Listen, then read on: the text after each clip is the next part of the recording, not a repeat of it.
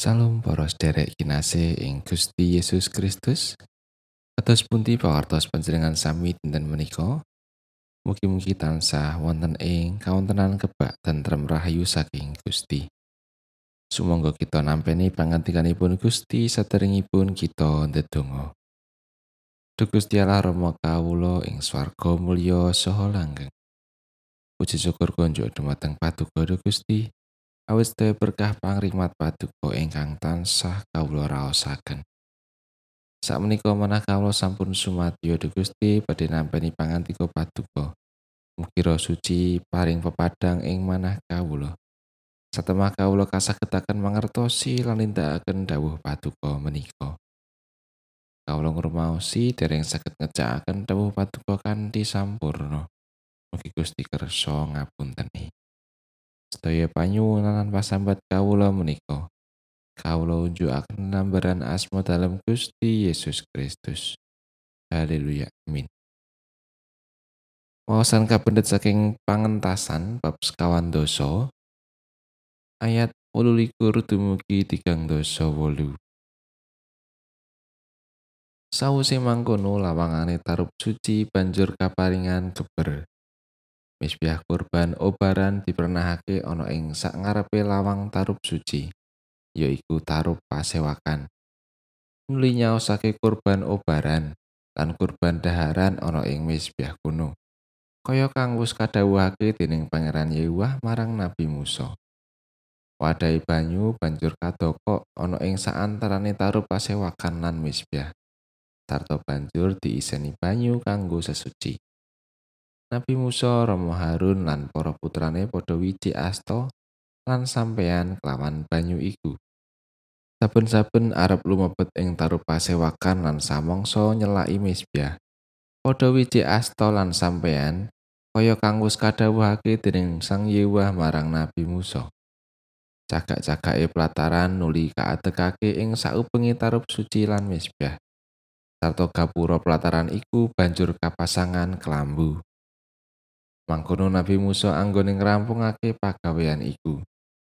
Sawuse mangkono megane nglimputi tarup pasewakan. Sarta tarup suci banjur kinebekan ing kamulyaning Yehuwa. Temah Nabi Musa ora bisa lumebu ing tarup pasewakan. Margo iku kalimputan ing mega lan kamulyaning Yehuwa ngebeki tarup suci.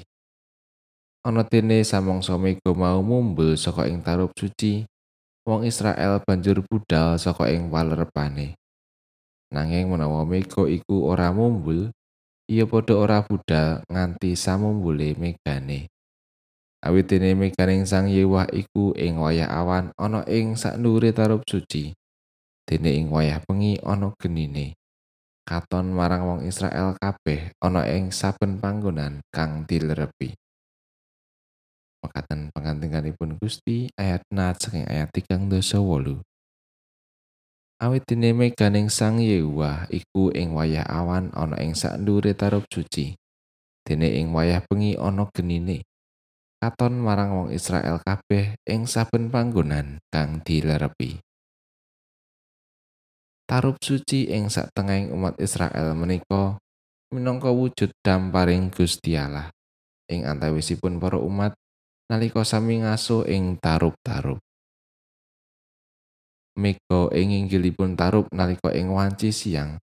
Saha latu ing wanci dalu menika nedahaken rawuhipun Gusti Allah ingkang tansah ngamping-ngampingi umat. Wondene nalika sami lumampah ing wanci siang tumuju negeri Kanaan. Gusti Allah nuntun lampahing umat kanthi pratandha awujud mega ingkang madeg ing ajeng piyambak. Nalika ing wanci dalu panjenenganipun ugi nuntun kanthi pratandha awujud latu ing sangajengipun umat. Saestu endah menawi gesang kita ugi katuntun kados dene bangsa Israel wau. Nalika medal saking tanah Mesir bangsa Israel ingkang namung abdi beksan. Pun boten mangertos margi ingkang badhe katuju. Ugi ing ora samun wonten bebaya kewan galak lan begal Mila dados bejo sanget nasibipun umat Israel nalika semanten.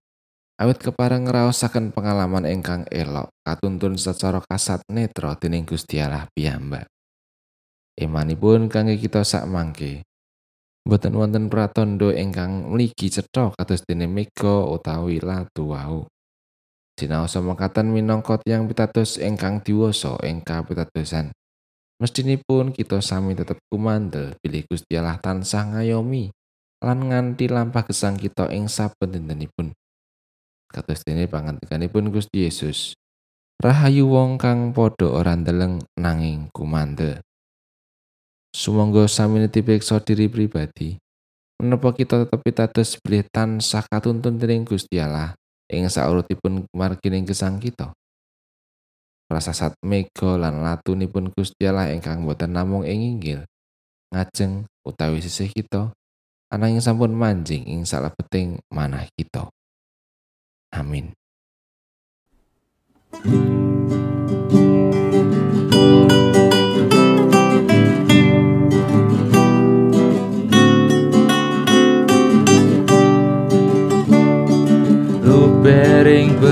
berkasing Gusti Yeku prajanji suci. Urip mulya aning swarga Binaringken sang putra.